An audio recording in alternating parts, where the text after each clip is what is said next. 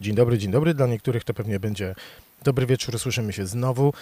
Jestem Rob Maciąg, to jest podcast Ale Wiocha, który wydawany jest od przypadku do przypadku. Dzisiaj, dzisiaj jesteśmy po raz drugi z rzędu w Kondratowie, ale nie słyszymy się z Michałem, słyszymy się z jego przyjacielem, Amadeuszem, yy, który, mm, no cóż, moi drodzy, dzisiaj będzie wyjątkowa troszeczkę audycja, dlatego że kręcimy się wokół Gór Kaczawskich, tak jak zawsze. Kręcimy się wokół ludzi, którzy tu przyjechali, robią mega rzeczy, stąd nazwa Ale Wiocha, czyli że to jest super fajnie. Ale dzisiaj pojedziemy, yy, Amadeuszu, 2000 km stąd? No, mniej więcej. Mniej więcej. Yy, obiecałem Amadeuszowi, że nie będę go tak do końca przedstawiał, bo nie dość, że ma super imię, to ma jeszcze długie nazwisko. Yy, witam serdecznie. Dzisiaj moim rozmówcą jest... Amadeusz Kucharzewski. Który przyjechał do nas, z tego co kojarzę, przez Wrocław, ale z Częstochowy, zgadza się? Tak, tak. Przez Wrocław z Częstochowy. Myśmy razem z Michałem kończyli liceum plastyczne w Częstochowie, no i potem oboje na ASP we Wrocławiu, bo to jest jedyna ceramika w Polsce, no i razem z Wrocławia tutaj. No bo muszę wam jakby w kwestii wyjaśnienia, Amadeusz jest, y, was jest dwóch, czy Sotobosko to jest więcej ludzi? Znaczy Sotobosko to jest przede wszystkim Michał. Ja jestem, ja jestem duszą wspierającą Sotobosko, No dobrze, no to- tak bym powiedział. No to mamy już wyjaśnione. Jeżeli ktoś z was chce, to poprzedni odcinek, jeżeli się nie mylę, 15 lub 16 był o... 16. 16, o dziękuję, o ceramice Sotobosko, a dzisiaj, no właśnie, Amadeuszu, skąd się, ty się wziąłeś w tych naszych, o, nadchodzi burza. Tak dzisiaj będzie taki podcast, ale siedzimy na dworze, jeżeli komuś za bardzo szumi, to no. Skąd się tu wziąłeś? Skąd się tu wziąłem? No to moja historia jest zbieżna z historią Michała. Myśmy w- razem już mieszkali na wsi, tak jak właśnie Michał opowiadał. No i po, tak, po takiej rocznej powiedzmy próbie, bo ja rok, rok wtedy na Lusinie mieszkałem, Michał dłużej. No uznałem, że to jest to, czego ja chcę. No i zacząłem szukać na Dolnym Śląsku e, ziemi, jakiejś właściwie nie ziemi, gospodarstwa. No i tak trafiliśmy tutaj. Tak trafiliśmy tutaj. Yy... No jesteśmy w tym Kondratowie, czyli jesteśmy na, powiedziałbym, takiej wschodniej flance Pogórza Kaczawskiego. Tu jest jeszcze górka z tyłu za nami, za tą górką zjeżdża się bardzo ostro w dół, to jest ten przełom sudecki i tam już zaczynają się równiny, tam już jest Jawor i cała reszta. Yy, powiedz mi, co takiego jest y, nie tak z Częstochową, że ty stamtąd wyjechałeś? Wiesz co, czy coś jest nie tak z Częstochową? Mm, No ja przede wszystkim z Częstochowy wyjechałem ze względu na studia. Bo tak jak wspomniałem, to była jedyna ceramika w Polsce, dalej jest. No ja byłem bardzo w ceramikę wkręcony w tamtym okresie. I, i, z, I z tego wynikał wyjazd z Częstochowy. No Częstochowa troszkę nie daje jakichś wielkich perspektyw y, młodym ludziom. Taka przynajmniej jest, jest moja opinia. Właśnie nas zbanowali w Częstochowie. No, smutna prawda, no tak mi się wydaje, że, że to miasto ma ogromny potencjał, który jest niewykorzystywany. To znaczy jest wykorzystywany oddolnie, bo tam jest sporo, z tego co wiem, takich inicjatyw oddolnych, jakieś fajne festiwale, nie festiwale, ale, ale no nie ma to wsparcia, powiedzmy, rządzących, więc to wszystko idzie tak po grudzie, powiedziałbym. No Rozumiem. i wielu młodych ludzi wyjeżdża, wyjeżdża z Częstochowy. Czyli zamiast mieszkać w... Ile tam mieszka ludzi? Teraz to myślę, że mniej niż 200 tysięcy. No dobrze, czyli zamiast y, zamieszkać sobie w takim super fajnym 200-tysięcznym mieście, kluby są, potencjał, można się ścigać samochodami, na pewno gdzieś jakaś jest dwupasmówka e, i w ogóle. No jakoś żyć e, z pielgrzymów, prawda, tam no wiadomo, to postanowiłeś najpierw Wrocław, no bo ceramika, ale Mhm. potem właśnie zamiast, a to co jest nie tak z Wrocławiem w takim razie? Uważaj, bo No. to jest moje miasto.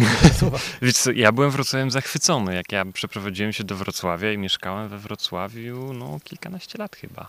Z 10, 12, coś takiego. To zaraz, żebyśmy I- ustalili, ile masz dzisiaj? 33. Dzisiaj No, mam nie- 33. Dobrze, dobrze, okej. No i 12 lat siedziałem we Wrocławiu dokładnie. I na początku byłem zachwycony. Wiesz, jak byłem młody, byłem studentem, Wyspa Słodowa i tak No. dalej. Wszystkiego pełno, wystawy, nie wystawy. No, no, czego dusza zapragnie. No i byłem starszy, tym rzadziej uczęszczałem na, na jakieś tam kulturalne imprezy.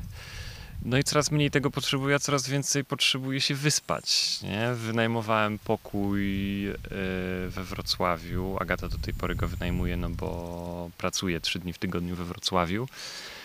No i przez dobre kilka lat w nim mieszkałem i byłem zachwycony. Ostatnio, jak tam właśnie byłem we Wrocławiu na parę dni, to już Agacie powiedziałem, że jak, jak, jak tu się w ogóle żyje, jak tu żyć. No bo okno z sypialni wychodzi na dość ruchliwą ulicę, no i masz wybór, albo, albo się dusić przy zamkniętym oknie, albo spać w hałasie, nie? I no i w ogóle przestrzeń zupełnie inna, bez porównania, nie? Kiedyś taka moja bardzo dobra kiedyś koleżanka, kontakt nam się urwał. Niestety, e, taka koleżanka Beata wynajmowała kawalerkę w kamienicy przy rynku. Okno, Mhm. jak się otworzyło okno, to dosłownie było pod Fredrą. Mhm. Więc wiesz, jak to ma wiele, albo chłodek, albo smrodek. No, tu akurat no. był hałas, nie? Także ja rozumiem, że jak się... No tak, no, w Kondratowie nic się nie dzieje. Tak, to jest główna zaleta tego miejsca. Że tu się dzieje. To, nie jest tak, że się nie dzieje, tu się dzieje powoli. No właśnie, nie tak, tak. Się dzieje taki powoli. sarkazm. Ja bardzo lubię Kondratów. No. Tu się dzieje powoli. No dobrze. Słuchaj, to mamy Ciebie, bo ja bym chciał, my się dzisiaj spotykaliśmy z takiego troszkę wyjątkowego powodu, nie tylko dlatego, że dawno nie było odcinka podcastu, ale Ty z tego Kondratowa jeździsz dość często za granicę. Owszem.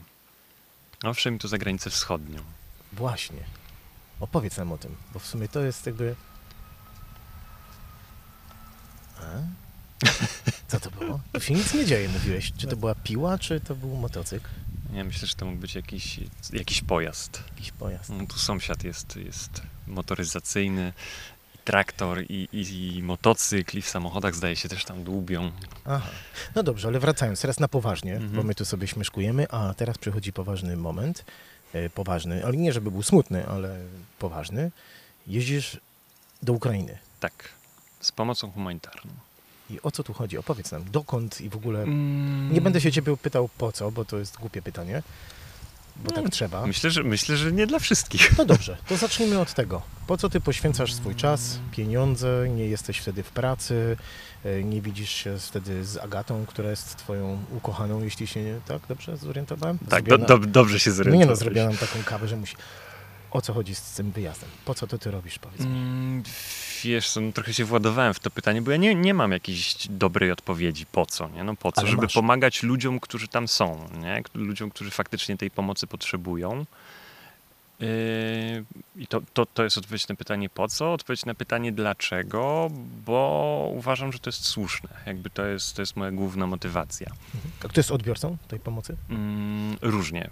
Różnie, no obecnie, no bo to już się dzieje jakiś czas, więc obecnie już wypracowaliśmy sobie taki schemat, że mamy organizacje, które zbierają dary, mamy organizacje, które są na miejscu i pomagają te dary dystrybuować, no a my jesteśmy tym, co je łączy, czyli my jeździmy Mhm. z, z tymi darami tam. Yy, No, ostatnio byliśmy, właśnie tydzień temu wróciłem z Zaporoża i no, część tego, co dowieźliśmy, trafiło w Zaporożu do takiego ośrodka dla wewnętrznie przesiedlonych. Yy, To jest ośrodek w Zaporożu, w którym obecnie około 60 rodzin mieszka z, jakby z okolic Zaporoża, bo Zaporoże to jest około 40 km od frontu. No i ludzie, którzy są wysiedlani z tych wiosek, gdzie jest zbyt niebezpiecznie, żeby tam funkcjonować, bo większość tych ludzi w tym, w tym ośrodku, no może nie większość, ale duża część tych ludzi jest przesiedlona przymusowo. Yy, I oni, oni pochodzą z okolic, żeby ich nie wieść na drugi koniec kraju, po prostu mają miejsce w Zaporożu, więc do nich, do nich się udaliśmy w pierwszej kolejności, a ponadto do dwóch y, miejscowości, do, do Primorskiego i do Stepnochirska. Stepnochirskie jest 5 km od frontu, Primorskie około 12. No i to są miejscowości, gdzie ludzie dalej żyją, nie? Bo, bo to też jest rzecz, która jest dla, myślę, statystycznego odbiorcy y, Twojego podcastu może, może się wydać niezrozumiała. Y, Jakby front to jest pewne zdarzenie militarne, a życie wokół dzieje się praktycznie zupełnie normalnie. Czyli przepraszam cię, to jest tak. Jesteśmy w Kondratowie. Mhm. Yy, Do Świeżawy jest jakieś 8 kilometrów, Mhm. czyli w Świeżawie toczy się wojna, Mhm. a my tu siedzimy, tak? Kosimy Tak, siano, tak, dokładnie karmimy tak. kury. Dokładnie tak. Okej. No to jest no jedyne, jedyne, co się różni między, między tym miejscem, a powiedzmy Stepnohirskiem, no oczywiście widać zniszczenia, nie? No, bo to jest, jest do, nie do uniknięcia. Miejscowość jest raczej wyludniona, to znaczy wygląda na wyludnioną, bo ludzie, którzy tam zostali, ta część, która została, raczej siedzi w domach, tam nikt nie spaceruje, no po ulic na ulicy widać żołnierzy bo, bo te, te przyfrontowe miejscowości są jakby zapleczem, mhm. zapleczem frontu, więc, więc w jakichś tam budynkach użyteczności publicznej i tak dalej stacjonuje po prostu wojsko. No, ale tak jakbyś, jakbyś sobie siadł na, na trawie, to jedyne, jedyna różnica jest taka, że tam ciągle grzmi. Jakby non-stopem słyszysz dźwięki, które gdybyś nie wiedział, że jest wojna, uznałbyś za burzę gdzieś w oddali, no a to jest artyleria. Właśnie, wiesz co, wydarzyło się taki magiczny moment w tym momencie, ja mam słuchawki i ty nie masz i w tym mhm. momencie jak mówiłeś o tym, że czasami grzmi, to właśnie wiatr zaczął wiać w mikrofon i to, i to tak zabrzmiało. To jest... Powiedz mi to, co robicie, bo was jest parę osób, rozumiem, tak? To znaczy, no ja w tym momencie głównie działam z drugim Amadeuszem. Proszę bardzo, jakie są, w ogóle to zaraz do tego dojdziemy, nie chcę tutaj psuć momentu, jak to się dzieje, kiedy się spotyka dwóch Amadeuszy w Polsce? Macie jakiś klub w ogóle Amadeuszy? Tak, że żartujemy, że, że mamy Stowarzyszenie Amadeuszów Polskich. Dobrze, no ale wracając teraz, jest was dwóch, ty i drugi Amadeusz? Tak, drugi Amadeusz, no i jakby to jest, no jak e, w przeszłości jeździliśmy, no to też ludzi było więcej, no mnie też Amadeusz w to wciągnął w pewnym sensie, no bo on na swoim Instagramie na samym początku wojny po prostu wrzucił taką informację, że jeżdżą i że jeżeli ktoś ma ochotę, no to kierowcy by się przydali i tak dalej. No ja się wtedy od razu do niego zgłosiłem. No i w tym momencie to jest jakby, jakby podstawa, nie? że nas jest dwóch. Y, jeździmy raz, że z humanitarką, dwa, że też próbujemy trochę przywozić stamtąd historii, bo, bo Amadeusz jest fotografem, ja trochę piszę, więc, więc taki mamy duet dziennikarski, powiedziałbym. Ale robicie to nieoficjalnie, nie, nie macie kamizelki z napisem press. To znaczy mamy kamizelki, ale bez napisu press, bo Aha. kamizelka z napisem press to jest trochę lot samobójczy. W sensie to nam powiedzieli już w Zaporożu, że te presy to sobie odepnijcie. Chodzi o rosyjskich snajperów. No, generalnie podobnież właśnie presy czy, czy ratownicy są częstym celem. Okej. Okay. No, a wiesz, snajperzy z snajperami, ale w tym momencie cały ostrzał jest sterowany z dronów. I tak jak rozmawiałem z ludźmi, którzy na przykład byli pod ostrzałem przez miesiące, no to mówią, że to wygląda mniej więcej tak, że przylatują drony, przez chwilę latają po miejscowości drony, drony znikają i zaczyna się ostrzał. Ostrzał trwa jakiś czas, ostrzał się kończy, przylatują drony, oglądają co zniszczyły, co chciały zniszczyć, wracają i znowu zaczyna się ostrzał. I, i tak w kółko, Macieju. Czyli jak siedzisz w domu i słyszysz takie bzyczenie, mówimy o takich tak, tak, tak. dronach, takich rozpoznawczych. Tam, takich no. DJI-ach, czy co tam znaczy, ludzie... Nie wiem, jaki to jest Nie, to mi chodzi o firmę, ale chodzi Aha. mi taki, taki dron. No, dron z kamerką. Okay. Nie, nie, nie, nie, nie bajraktary, nie, nie. Mhm. Takie zwykłe drony rozpoznawcze. Mhm. No bo to też jest rzecz, z której ja sobie nie zdawałem sprawy. Myślałem, że oni tam jakoś tak, no może nie na ślepo, ale jednak, że nie aż tak dokładnie sterują tym ostrzałem. Mhm. No a praktyka wygląda tak, że no, te drony dzisiaj są tanie jak barszcz, więc latują po prostu, oglądają. I żeby nikt was nie widział, że tam chodzi jakiś tam... Znaczy, ludzi w kamizelkach tam jest pełno, nie? No tak, tak, ale jak miałbyś Więc... z, daleka białe pres, to taki tak, dron cię tak, szybko wyłapie. Tak, tak, tak. No tak nam przynajmniej powiedziano, że lepiej dla bezpieczeństwa je zdjąć. Rozumiem. Tak samo ratownicy podobno są częstym celem, co jest w ogóle dla mnie nie do pojęcia, że żeby właśnie Czerwony Krzyż w polu białym, który miał gwarantować bezpieczeństwo tym ludziom, jest w tym momencie właściwie wyrokiem na tych ludzi. No ja mam koleżankę, która przed upadkiem Bachmutu tam jeździła jako ratowniczka mm. w, rej, w rejony Bachmutu, i, ale nie rozmawiałem z nią o tym. A powiedz, mu, muszę zadać to pytanie, mm -hmm. bo to mhm. jakby. A wy się nie boicie? Znaczy inaczej. Ja się nie pytam o taki.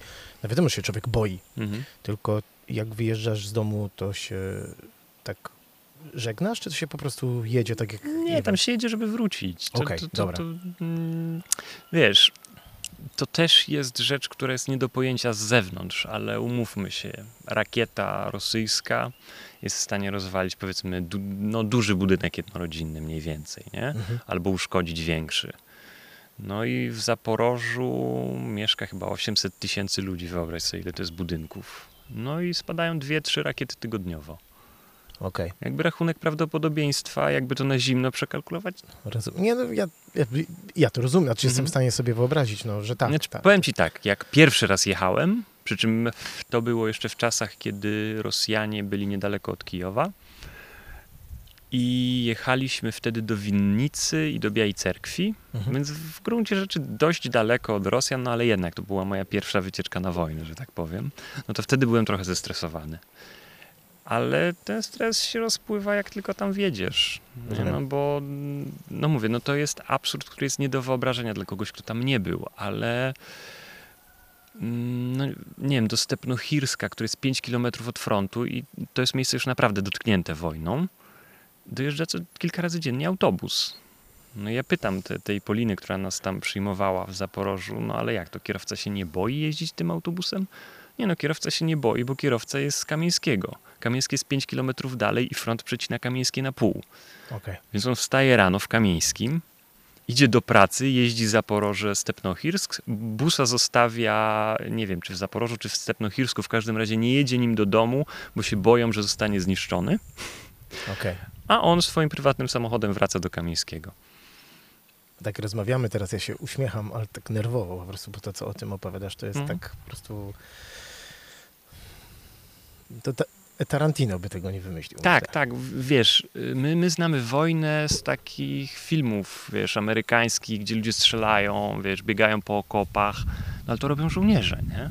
Mhm. To robią żołnierze i wiesz, i ilu tam jest w tym momencie żołnierzy w akcji? Kilkadziesiąt tysięcy, kilkaset tysięcy, na ile kilometrów ma front, nie? Mhm.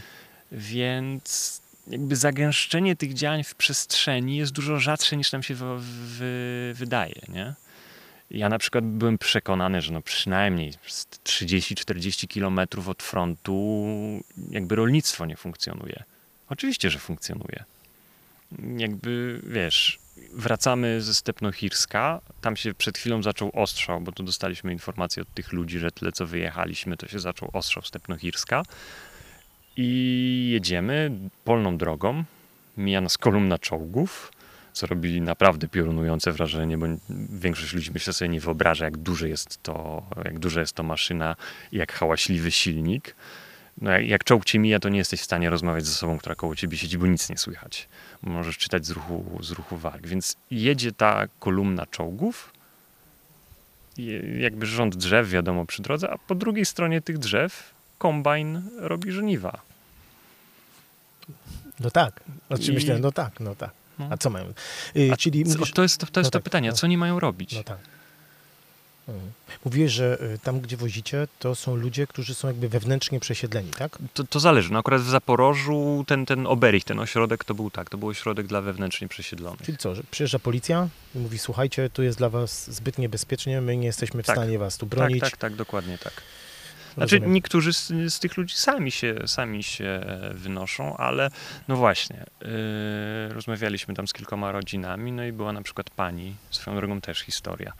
Rozmawiam z panią, która mogła być moją babcią. Ona się uśmiecha, żartuje, tylko musimy głośno mówić, bo ona nic nie słyszy prawie. Ma- Ma bardzo, bardzo słaby słuch. No i tak jak my sobie tutaj uci- ucinamy gawę, po gawędkę, tak ona sobie z nami ucina po gawędkę i tłumaczy nam, że, że słuch straciła, jak kilka metrów od niej eksplodowała rakieta, zabijając czworo ludzi. I wiesz, opowiada tak w gruncie rzeczy w miarę spokojnie o, o rękach, nogach i krwi wszędzie i tak dalej. No i przez, to, przez tę eksplozję straciła większość słuchu, nie? No i ona była w tym ośrodku ze swoją synową i z wnuczętami. No, no pytamy, gdzie mąż? No bo mąż już y, no, musiałaby mieć znacznie młodszego od siebie męża, żeby był powołany. No ale mówi, że no jak to? No mąż został w domu, nie? Mąż został w domu, bo mają kury, mają psa i no przecież no, trzeba jakoś doglądać inwentarz, nie? Mhm. A oni pochodzili z miejsca, które było dotkliwie ostrzeliwane. Mhm. I to jest częsta odpowiedź, że właśnie matki z dziećmi, babcie z wnuczętami siedzą właśnie w tym ośrodku, a mężczyzn prawie, tam prawie nie ma. No tak, no ktoś musi tym kombajnem jechać. No. Rozumiem. A co, co wy tam wozicie w ogóle, powiedz mi? Co jest dzisiaj tam potrzebne? Mhm. No, to zależy od miejsca. Właśnie to jest, to jest świetne w systemie, który nam się udało wypracować, że właśnie z jednej strony mamy kontakt z, z taką niemiecką organizacją, e, która zbiera dary, a z drugiej strony właśnie w Zaporożu mamy kontakt z organizacją lokalną, którą, którą powołali do życia Ukraińcy. I oni mają kontakt, jakby wypracowali na miejscu sieć, sieć po prostu kontaktów z liderami lokalnych społeczności i Polina dostaje po prostu na telegramie listę, czego potrzebujemy. W tym kursie zabraliśmy żywność i środki higieniczne przede wszystkim, no i to tam rozwieźliśmy. Na miejscu właśnie w, w Primorskiem okazało się, że oni pilnie potrzebują wody. Bo wysadzono tą tamę w Kachowce ostatnio, no i wszyscy wiedzą, że, że cała Chrosońszczyzna jest zalana. No, a warto jeszcze wspomnieć, że Morze Kachowskie, tak zwane, czyli ten zbiornik, który był powyżej tamy, największy sztuczny mhm, mhm. akwen Ukrainy, no obecnie jest pustynią, co też jest apokaliptycznym widokiem, bo to jest po prostu po horyzont pustynia z takimi drobnymi kałużami wody. I ryby. Czy już nie ma? Znaczy, nie, pod, nie, nie, da się, nie? nie da się tak blisko tam dotrzeć. Rozumiem, nie, jakieś zdjęcia widziałem, wiesz, że po prostu jak ta mm. woda szybko, po prostu ryby no. leżące tam, ale to już było jakiś czas temu. I ten zbiornik był źródłem wody pitnej dla okolicznych miejscowości. Okay. I w tym momencie sieć, sieć wodociągowa jest lokalnie sparaliżowana i nie, nie, wiesz, jest miejscowość, która normalnie funkcjonuje, ale ludzie nie mają wody. Ale powiedz mi, ale nie wieziecie przecież wody z Polski, nie? Nie, nie. Właśnie, właśnie do Primorskiego zawieźliśmy to, co mieliśmy do zawiezienia z Polski. No i zrobiliśmy drugi kurs y, z autem pełnym po prostu wody pitnej na miejscu za grosze. Kupiliśmy butelki, są tam punkty, gdzie po prostu napełniają wodą pitną. Więc w drugim kursie po prostu im zawieźliśmy y, wodę i generator generator no. prądu, który z kolei właśnie Polina z, z, tej zaporowskiej organizacji kupiła za pieniądze od tej niemieckiej organizacji. Mhm. Jakby tak długo jak organizacje pomocowe mają pieniądze, mają gotówkę, to najlepiej jest zrobić im przelew tam na miejsce, bo raz, że tam wszystko się kupi taniej, no a dwa, że nie trzeba tego wieść przez, przez no tak. 2000 kilometrów, no ale też jest dużo pomocy rzeczowej całe palety żywności od różnych firm i tak dalej, no i to trzeba zawozić.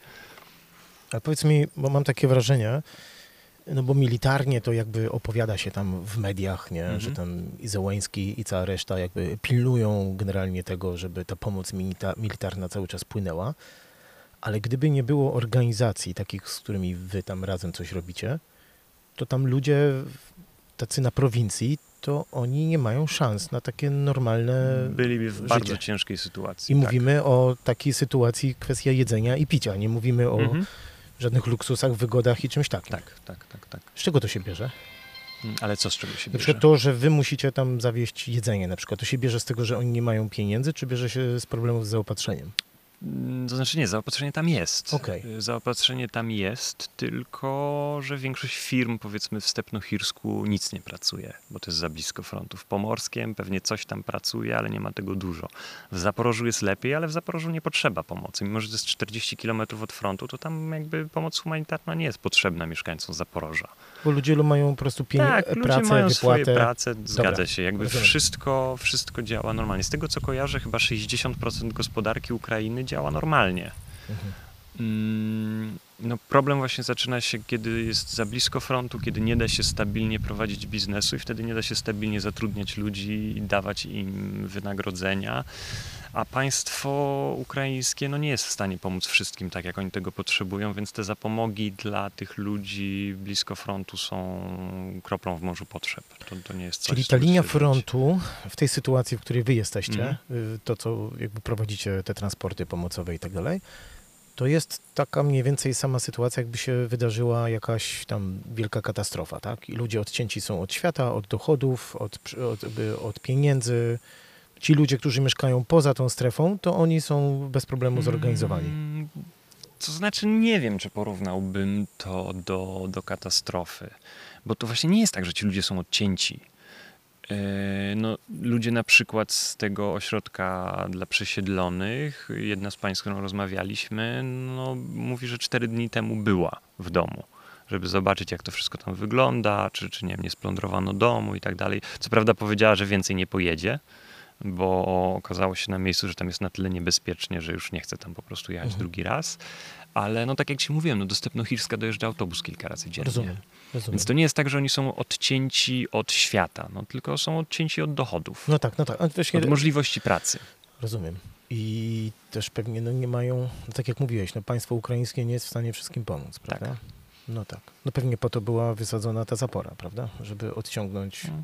Znaczy ja myślę, że Siłę. ona była też wysadzona po to, żeby uniemożliwić działania, żeby jakby zamknąć część frontu, zamurować, nie?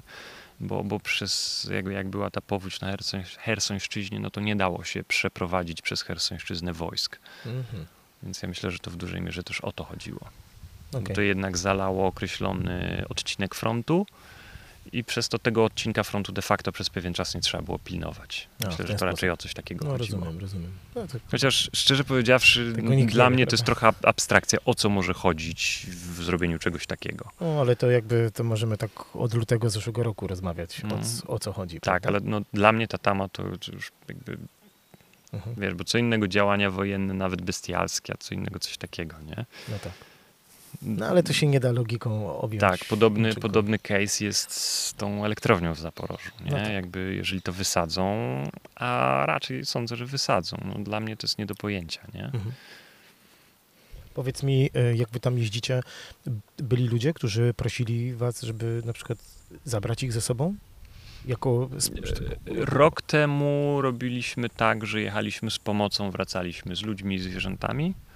W tym momencie nie. Masz na myśli do nas, do Polski? Tak, tak. tak. Przywoziliście ludzi. Tak, Okej, tak, okej, okej. W tym momencie nie. W tym momencie raczej ludzie tam myślą wracać. Mhm.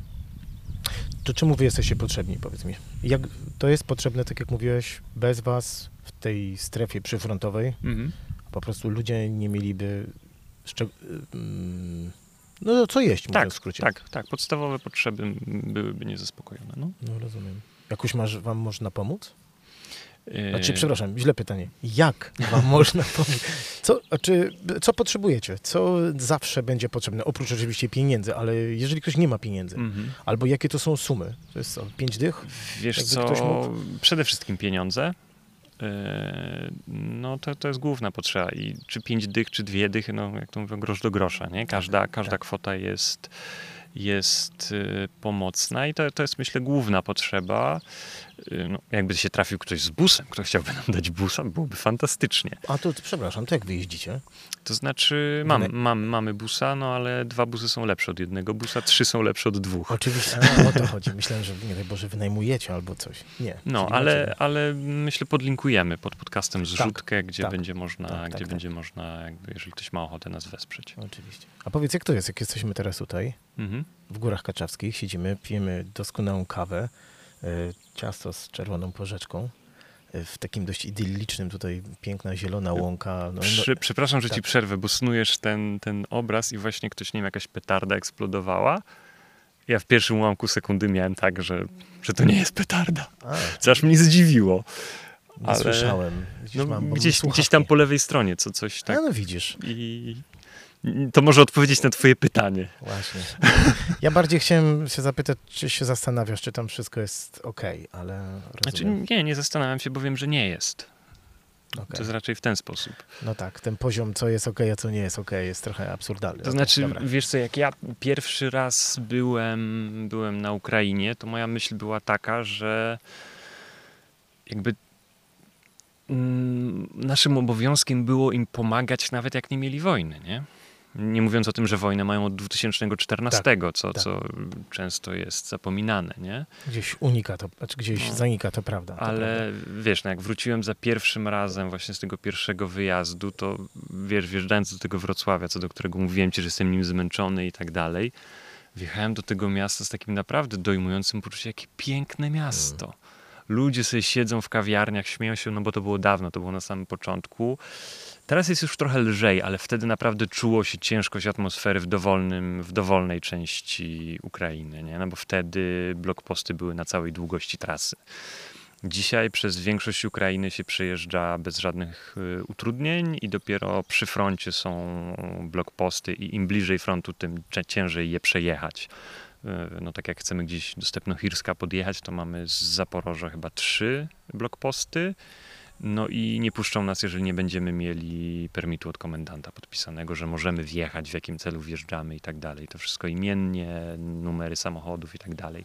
Oni już was znają, czy tam się na tyle zmieniają To ludzie znaczy na w? Zaporożu byliśmy pierwszy raz. Okej. Polinę. Polinę znają, no bo ona tam funkcjonuje regularnie, no ale my jeździmy różne, w różne miejsca. Wcześniej, wcześniej był Charków, wcześniej jeszcze byliśmy bliżej, byliśmy w Odessie też. Więc y, no teraz ja na przykład za tydzień jadę, ale w trochę innym charakterze, jadę na trzy tygodnie do Słowiańska. To jest wyżej, wyżej na północ, to jest, zdaje się, obleć Doniecka Mhm. i tam będę wolontariuszem e, w organizacji międzynarodowej, która tam funkcjonuje na miejscu. I jakby nie jadę z transportem, tylko jadę już tam na miejsce. Po prostu oni mają tam samochody, mają ludzi i raz, że dowożą pomoc humanitarną, a dwa, że świadczą usługi medyczne. W sensie są taką obwoźną przychodnią, no bo w tych przyfrontowych miejscowościach ludzie, którzy tam zostali, to są głównie starsi ludzie. Młodzi, No tak, trzeba do nich dojechać, okej. od razu się zawinęli, no bo mają przed sobą całe życie, też mniej się boją, bardziej im zależy i tak dalej. A ludzie, którzy tam zostali, to są głównie starsi ludzie i takie zwykłe dolegliwości starszych ludzi y, zostały bez opieki. Nie? Tam opieka medyczna cała się stamtąd zwinęła. No tak. Nie, ale tak powiedziałeś, że jedziesz tylko jako wolontariusz, nie z pomocą, ale przecież z, Znaczy, z pustym nie, nie. plecakiem nie pojedziesz przecież, prawda? Znaczy wiesz, będę jechał y, koleją, więc, więc y, jakby nie będę zabierał żadnych, żadnej takiej pomocy rzeczowej, tym bardziej, że wiesz, mam do zabrania swoją kamizelkę, Mhm. która swoje waży, mam, mam cały szpej swój do zabrania, nie? który będę tam potrzebował na miejscu, apteczkę, nie apteczkę, więc ja będę miał ogromny plecak. Tam się normalnie Swój. po ulicy, jak ty chodzisz po ulicy, to w kamizelce. Wiesz co, no to jest... Bo ty, ja się pytam, bo to jest dla mnie tak abstrakcyjne, No, to o no, czym no to jest, bo to to jest abstrakcyjne, wiesz co, no... e, no ja jeszcze się trochę nie oswoiłem z kamizelką, w takim sensie, że jest dla mnie to trochę żenujące, no bo są miejsca, gdzie po prostu jakby co do zasady wjeżdża się w kamizelkach i jest e, jakby nieodpowiedzialnie wjeżdżać tam bez hełmu, bez kamizelki, no ale podjeżdżasz na miejsce i witają cię ludzie, którzy tam mieszkają i oni wszyscy są w t-shirtach. No właśnie o tym właśnie Bo no, to tak myślałem. nie jest tak, że każdy, każdy cywil ma tam kamizelkę, no, No bo tak. skąd, nie? Kamizelka kosztuje kupy pieniędzy. Yy, żołnierze nie, nie wszyscy mają, nie wszyscy mają dobre. No tak. No, ja mam dość solidną kamizelkę czteropłytową i no Polina jak ją zobaczyła, to mówiła, o fajne macie kamizelki, wielu żołnierzy takich nie ma. A, a jakbyś zobaczył tą kamizelkę, to to nie jest kamizelka, która wiesz, jakoś super, super osłania twoje ciało. Ale ty ją musisz nosić, czy to placebo takie jest, powiedz mi? Znaczy wiesz, strzelał do nas nikt nie będzie, więc to nie jest kamizelka, która mnie chroni przed, przed strzałami, no bo my nie jeździmy na terytoria, gdzie są Rosjanie, a dywersja jest powiedzmy bardzo małym ryzykiem, że ktoś nas tam dojedzie. Chodzi bardziej o odłamki. Mhm. Ja też teraz właśnie jak byliśmy w Zaporożu, jeden pan nam pokazał odłamek moździerzowy, który zabrał ze swojego ba- balkonu, jak się ewakuował z Orichiwa.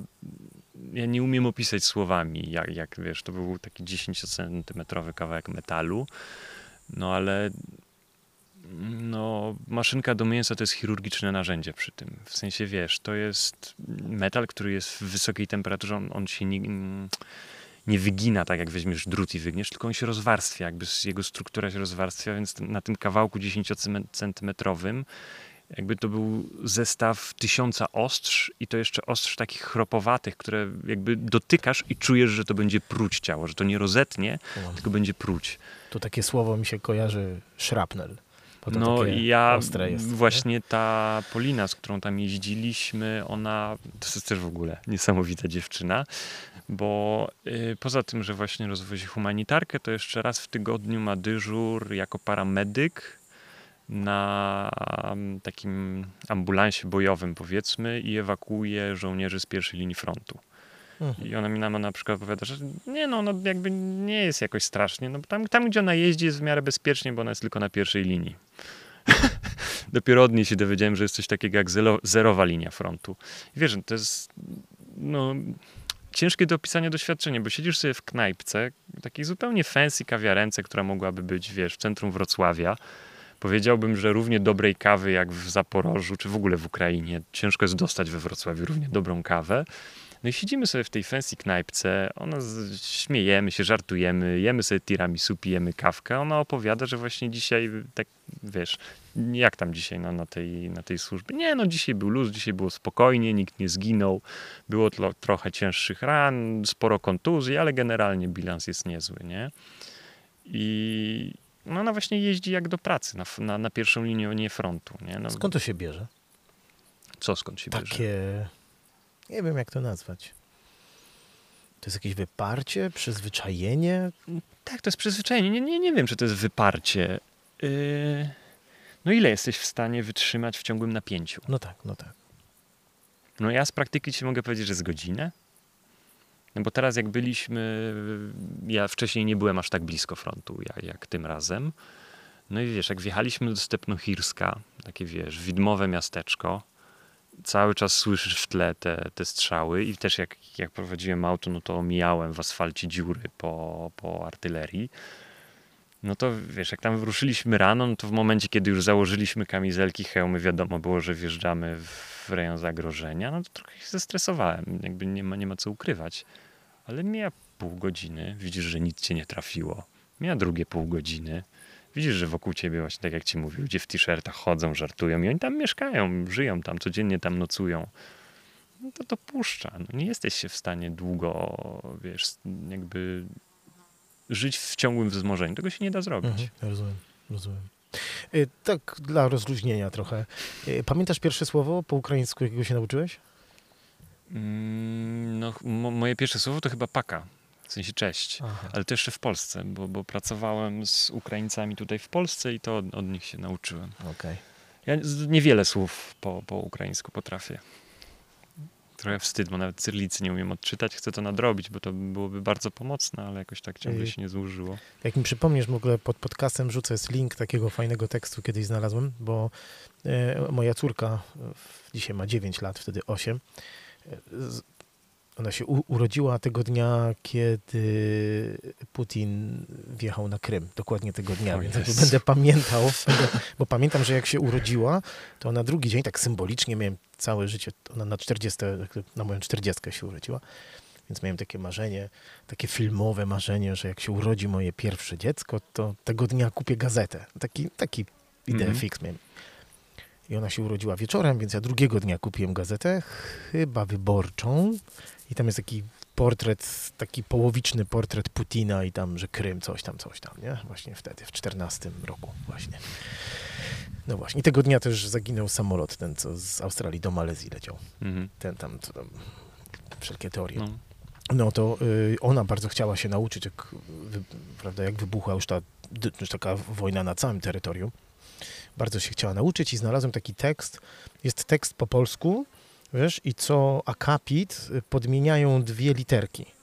Także to jest taki trik, że super to jest w ogóle, Mhm. super, bo my w ogóle, wiesz dlaczego my nie mamy tego alfabetu słowiańskiego, nazwijmy to. Ja nie lubię cyrylicy, jak już jest No. grażdanka. ale- Dlatego, że to przez to, że my jesteśmy rzymski katolicyzm. właśnie. No właśnie, a tam wszystko i to jest, y, gdzieś taką książkę widziałem, że był taki dla porównania Harry Potter po tam, po polsku i, Mhm. ha, i Harry Potter po ukraińsku, jakby tam jest, wiesz, dużo cieńszy, bo jest mniej liter do Mhm. napisania.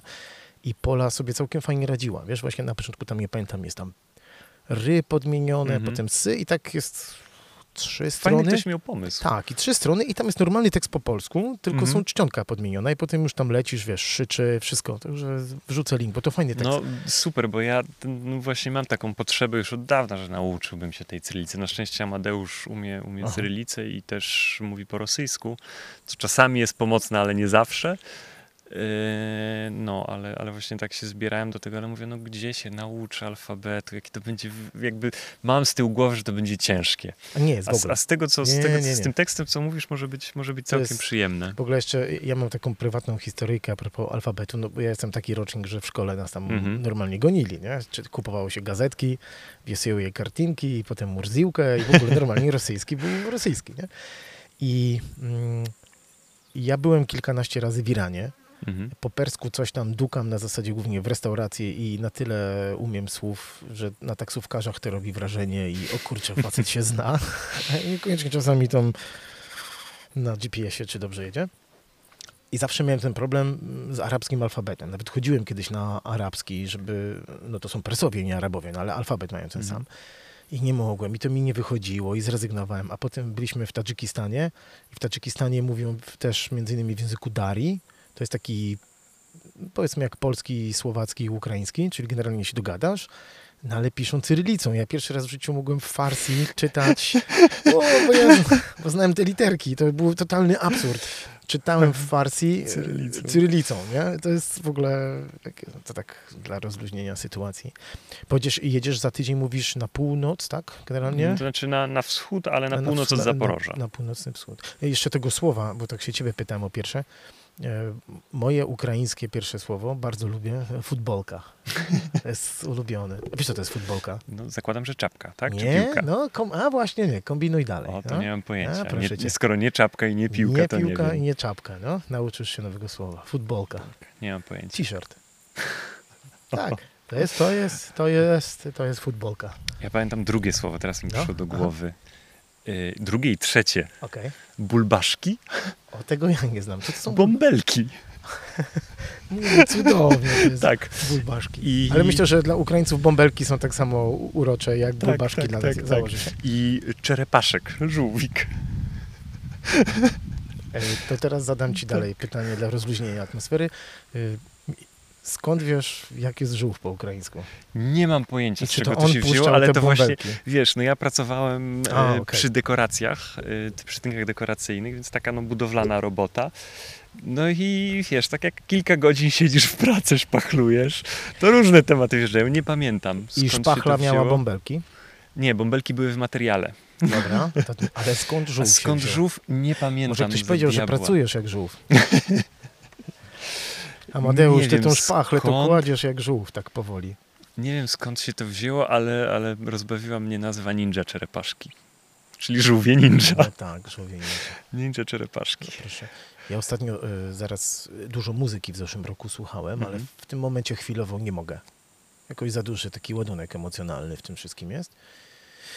Tym bardziej, że mój pradziadek był Ukraińcem, więc ja troszkę Mhm. tak to traktuję. y, tu pochowany jest niedaleko Bolesława. Dymitri miał na imię. A ja mam czarne podniebienie, żeby nie było. Y, powiedz mi, namawiałbyś ludzi dzisiaj, żeby, da, żeby jakby ręce do pracy są potrzebne oprócz pieniędzy, czy jakby zorganizowane jest to wszystko ok i tylko po prostu To znaczy, wiesz co, ja mam coś takiego, że ja uważam, że do pewnych rzeczy ludzi nie należy namawiać, nie? Na przykład do jeżdżenia na wojnę, moim zdaniem. Ludzi nie należy namawiać. Jeżeli ktoś czuje potrzebę i chce, to tak, ręce się przydadzą, ale ja no nie, nie, jakby to jest mój wybór, że ja się zdecydowałem, pojechałem i chcę to robić, ale nikogo bym do tego nie namawiał, nie? No bo A ty masz poczucie, że ty jedziesz na wojnę? mm, Czy ty jedziesz z pomocą, a przy okazji gdzieś jest z boku wojna? Czy ty jak, jak wyjeżdżasz z domu... nie, nie, nie wiem, czy ja to kategoryzuję. Nie, raczej tego nie kategoryzuję Ja w ten sposób. Py- Pytam się, bo sam powiedziałeś, Mhm. że nie namawiasz nikogo, żeby jechał na wojnę, dlatego się pytam. To znaczy, wiesz, no. Nie namawiałbym nikogo, żeby jechał w miejsca, gdzie potrzebuje hełmu i kamizelki kuloodpornej, nie? Mhm, mhm. To znaczy, tam trzeba jeździć, ale no mówię, jeżeli ktoś ma w sobie potrzebę, to super, ale jeżeli ktoś nie ma, no to do takich rzeczy nie powinno się namawiać, nie? No, No bo rozumiem, jeżeli tego nie czujesz, to na miejscu będziesz miał kłopot, nie? Mhm. I możesz sprowadzić zagrożenie na siebie i innych, nie? Jak nagle się okaże, że ty tego nie czujesz, boisz się, stresujesz się, różni ludzie różnie reagują na, na takie sytuacje, więc ja nie wiem, czy to jest coś, do czego należy namawiać, tym bardziej, że można mnóstwo dobrego zrobić tutaj na miejscu, nie? To powiedz mi, czym jest to mnóstwo? Gdyby ktoś nas teraz słuchał i miał takie poczucie, że kurczę, chciałbym coś zrobić, no ale nie chcę jechać na wojnę, że tak Mm. powiem, to co może zrobić? Przede wszystkim i najprościej, bez żadnego wysiłku można zrobić przelew. Po drugie, można zrobić zbiórkę. Yy, Żywność w każdej ilości się przyda. Yy, Środki higieniczne, środki takiej higieny osobistej po prostu dla kobiet, dla dzieci, dla osób starszych, bo to są, to są rzeczy, które się na bieżąco, na bieżąco zużywają, bo jakby chodzi mi o to, że nie tylko mydło, nie? ale pampersy, podpaski, tego typu historie. I można zrobić zbiórkę wśród swoich znajomych. Nie? Jak się tego uzbiera dużo, my to możemy zawieść, jeżeli będzie pełny bus. Jakby kontakt do mnie też możesz zostawić pod podcastem. No ja, będzie, będzie. I, i, I możemy to zawieść, nie? To tak na pewno można pomóc. No, można też pomóc y, ludziom, którzy tutaj przyjechali, nie? Bo przecież mnóstwo ludzi tutaj przyjechało i, i część z nich też potrzebuje pomocy. No myślę, że przede wszystkim zbiórki, bo o ile rok temu było pospolite ruszenie i bardzo pięknie się za, zachowaliśmy i to było niesamowite, ile tych darów się zbierało, tyle to stygnie, nie? Ludzie już są zmęczeni tematem wojny, no a to jest maraton, nie? Nie sprint i to jest myślę kluczowe. I teraz muszę zadać Ci pytanie, Mhm. myśl, y, które muszę, bo jak tutaj ustawialiśmy się, bo my siedzimy pod, to gruszka to jest, nie? Gruszka, tak. Tak, siedzimy pod gruszką, y, popijamy kawkę z y, filiżanki zrobionej u Was w Sotobosko, no i przyjechali Twoi rodzice. Mhm. No to pewnie, że muszę, za... wiem, że Twojego tatę powinienem, albo mamę Mhm. bardziej, bo z tą z tyłu za nami w domu. Rozmawiałeś z nimi o tym? Czy ja, jak to było? Mówi, tato, mamo, jadę na Ukrainę z transportem? Bo ja ich mogę zapytać zaraz, także wiesz, ale na poważnie. Znaczy, jeżeli pytasz, czy ich pytałem, to, to nie, nie pytałem. Ale jakaś rozmowa na pewno była. Mm, Czy nie było? jakichś chyba wielkich rozmów nie było. No, rodzice pytają oczywiście, jak tam i co tam.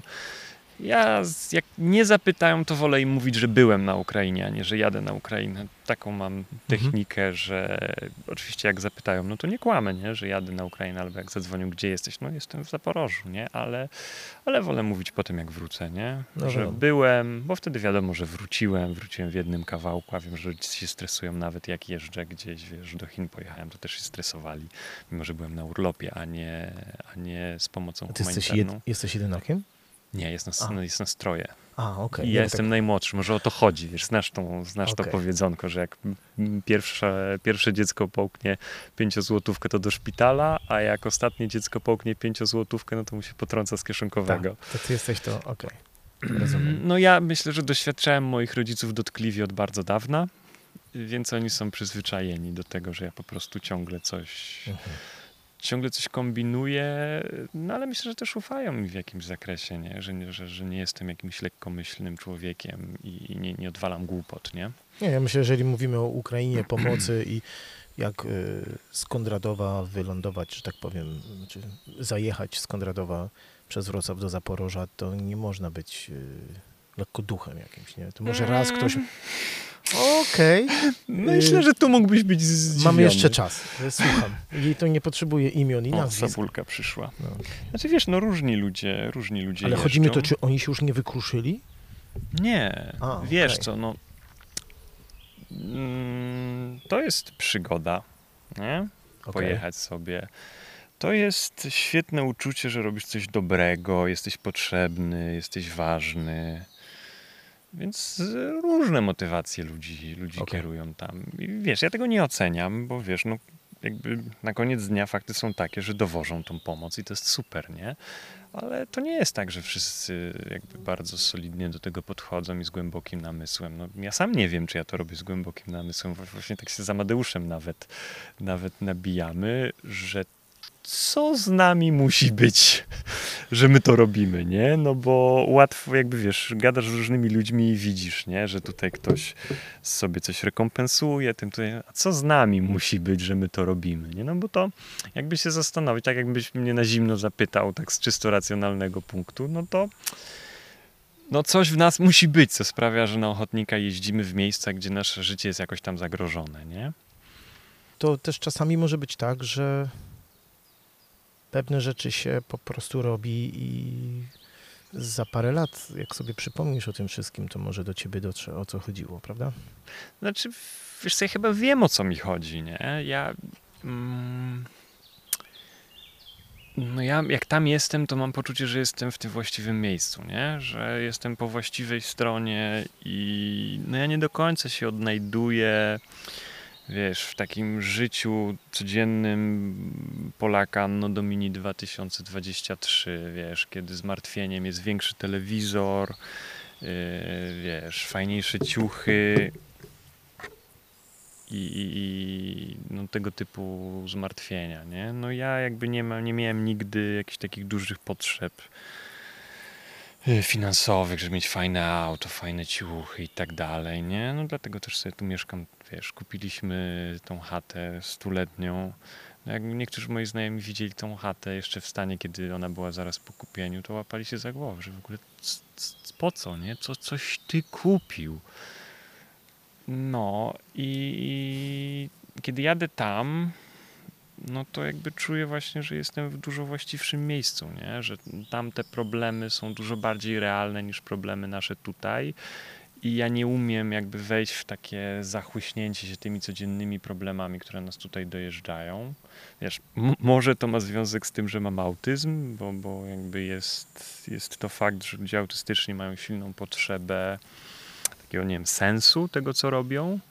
No i wiesz, tak jak przez ostatnie parę lat pracowałem w tych y, dekoracjach, nie, wiem- nie wiem, czy masz wyobrażenie, co to jest. To są takie no, imitacje betonu, sztiuki, Mhm. jakieś tam farby brokatowe, no takie powiedziałbym z wyższej półki wykończenia wnętrz.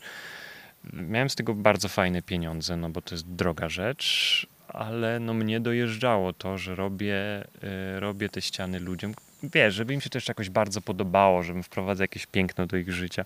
Ale ja czułem, że to jest taki właśnie blich, to żeby pokazać sąsiadom, że oni mają bogaciej niż, niż sąsiedzi. I no i wiesz, tak miałem takie poczucie, że przerabiam tą ziemię, wiesz, surowce i tak dalej, energię elektryczną i tak dalej, na rzeczy, które są nikomu do niczego niepotrzebne, nie? Wiesz, ja też miałem taki trochę problem z ceramiką, wiesz, bo myślałem po studiach, żeby może właśnie mm, razem z Michałem, czy, czy, czy równolegle do Michała robić jakieś naczynia i tak dalej, ale no, wyobraź sobie swoją szafkę w, w kuchni, nie? Ile masz w niej kubków? No tak. Każdy, każdy w Europie Zachodniej ma tyle kubków, że jak nie kupi żadnego do końca życia, to i tak będzie miał za dużo. Więc, no nie wiem, mógłbym robić ceramikę, nie wiem, gdzieś w jakiejś naprawdę głębokiej Afryce, gdzie ludzie mają problem z dostępem do naczyń, nie? No, to jest, to jest coś, co po prostu uważam za sensowne i, i tak naprawdę organicznie czuję, że, że czuję się tam na miejscu. No, czyli sens jest dla ciebie bardzo ważny. Tak. Trudno robiło, właśnie tak mówisz, jak coś się robi bez sensu, to nie masz do tego serca. No, widzisz.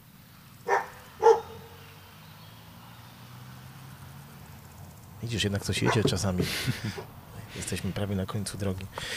Michale, y, Boże, Michale, Amadeuszu, chciałem jeszcze zapytać, bo tak, y, to trochę pytanie od mojej córki jest, Mhm. która nie mogła dzisiaj ze mną przyjechać. E, Jak to jest, jak Amadeusz spotyka drugiego Amadeusza? Powiedz, bo to jest w ogóle... Już od, odejdźmy na chwilę od poważnych tematów Ukrainy, e, od, od Kondratowa, od Kurkaczawskich, od waszej pomocy i tak dalej, ale tak jakby...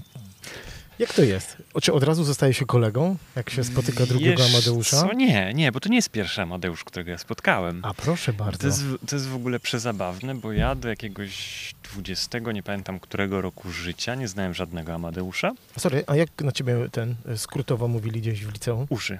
Wszyscy od dziecka tak na mnie mówią, nawet moi rodzice. Uszy? No. Jak rodzice, to po co ci dali Amadeusz, żeby potem mówić skrótem? Ja zaraz... Wiesz co, jak byłem mały, to dla mnie było nie do wymówienia oczywiście moje własne imię. I ty mówiłeś. Tak, więc mówiłem ucha.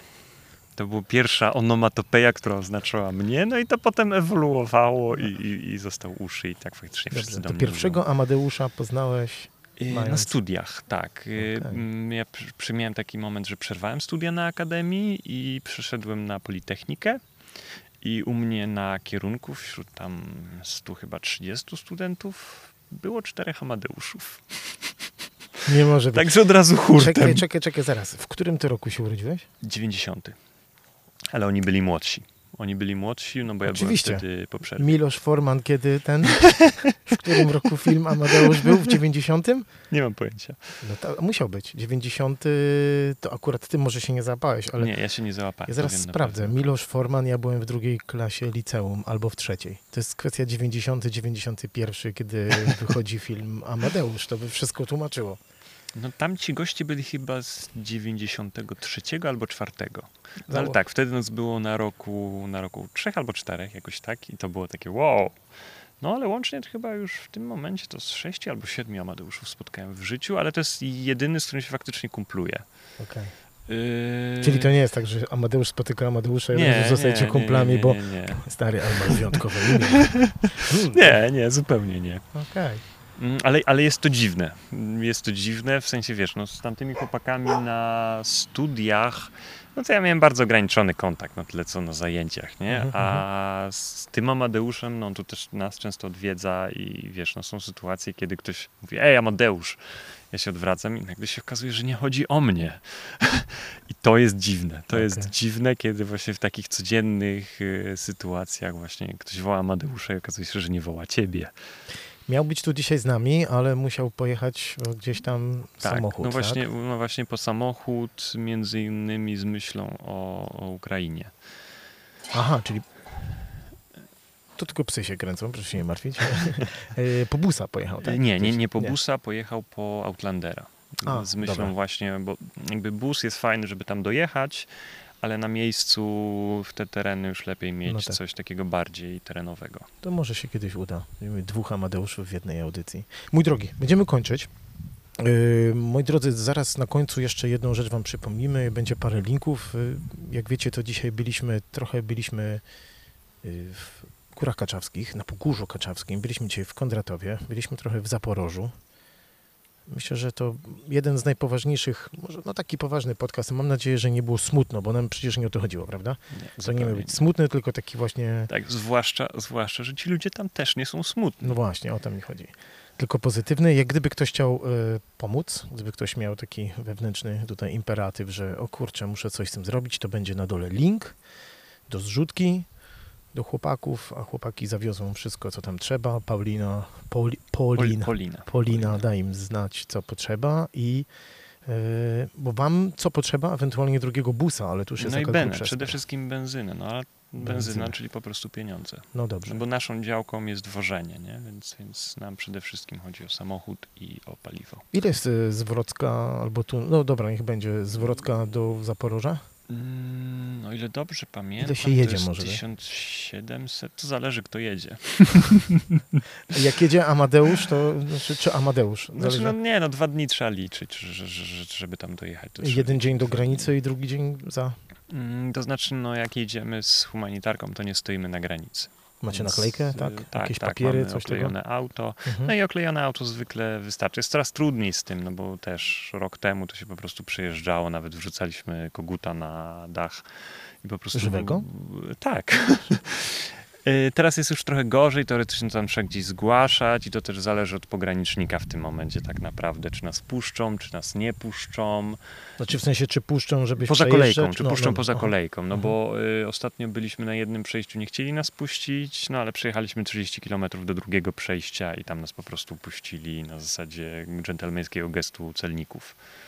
I to też, y, wiesz, tak jak się gada z ludźmi, no rozmawialiśmy z człowiekiem, który przez trzy miesiące siedział sam we własnej piwnicy. I wiesz, no, ale w życiu byś nie powiedział, nie? Goś jest jakby normalnie, rozmawiasz z nim jak gdyby nigdy nic. Dopiero jak zaczyna mówić, to się okazuje wszystko. Y, Jak się ewakuował, bo on w Pitichatkach go okupacja została, no i później, później jakby jak Ukraińcy wyzwolili Pitychatki, no to uciekał stamtąd, no bo Rosjanie no to strzelali tak, że tam się nie dało zostać. Bo wcześniej Ukraińcy też strzelali, bo tam stacjonowało wojsko, no ale, ale nieco inaczej strzelali, powiedzmy sobie. No i ewakuował się w nocy na pieszo, bo tam się nie dało niczym dojechać ze względu na warunki. No i z żołnierzami, z, z grupą żołnierzy, która się tam wycofywała, on się zabrał. No i właśnie opowiadał, że w nocy, w nocy pieszo szli. Dwukrotnie w trakcie tej drogi byli ostrzeliwani. No i jedyne co mogli zrobić, to się położyć na, położyć na asfalcie, bo asfalt, droga to było jedyny jedyny bezpieczny fragment, który był sprawdzony pod względem min i tak dalej, nie? I, ten gość jakby, wiesz, normalny gość i jedyne co możesz zrobić w takiej sytuacji to wstać rano, umyć zęby, ubrać się. Potem, mi- mimo że wiesz, nigdzie nie wyjdziesz, bo jest ostrzał na zewnątrz, więc mógłbyś siedzieć w piżamie cały dzień, no ale żeby nie, nie, nie ześwirować, tak jak się czytuje książki na temat i tak dalej, no to wszyscy przedstawiają to jako podstawę jak siedzisz w schronie przez miesiąc, to codziennie rano wstawaj, myj zęby, gul się, wygląda jak człowiek. Rozumiem. Moi drodzy, to był dość wyjątkowy odcinek podcastu Ale Wiocha, prosto z wschodnich tutaj terenów Pogórza Kaczewskiego. Waszym gościem dzisiaj mogliście posłuchać Amadeusza, który na co dzień, no już można powiedzieć, na co dzień mieszka w Kondratowie. Tak. E, moi drodzy, zapraszam do Kondratowa, zapraszam do Sotobosko, zapraszam do linku na dole, jeżeli ktoś będzie miał potrzebę, żeby wesprzeć kolejny transport na Ukrainę, do Ukrainy. Każdy mówi jak lubi. E, Ja Wam bardzo dziękuję. Do usłyszenia. Ja się nazywam Rob Maciąg, a to była Ale Wiocha i Amadeusz. Kucharzewski. A ja idę zapytać zaraz. A nie, nie będę pytał Twoich rodziców. Ale zapytam się, czy film oglądali. Więc mnie nurtuje. Cześć, dziękuję Ci bardzo. Dziękuję I również bardzo. dziękuję bardzo e, za te transporty, bo robisz to, na co właśnie no, ja mogę dać pieniądze, a Ty to zabierzesz. Także dzięki wielkie. Dziękuję. Cześć.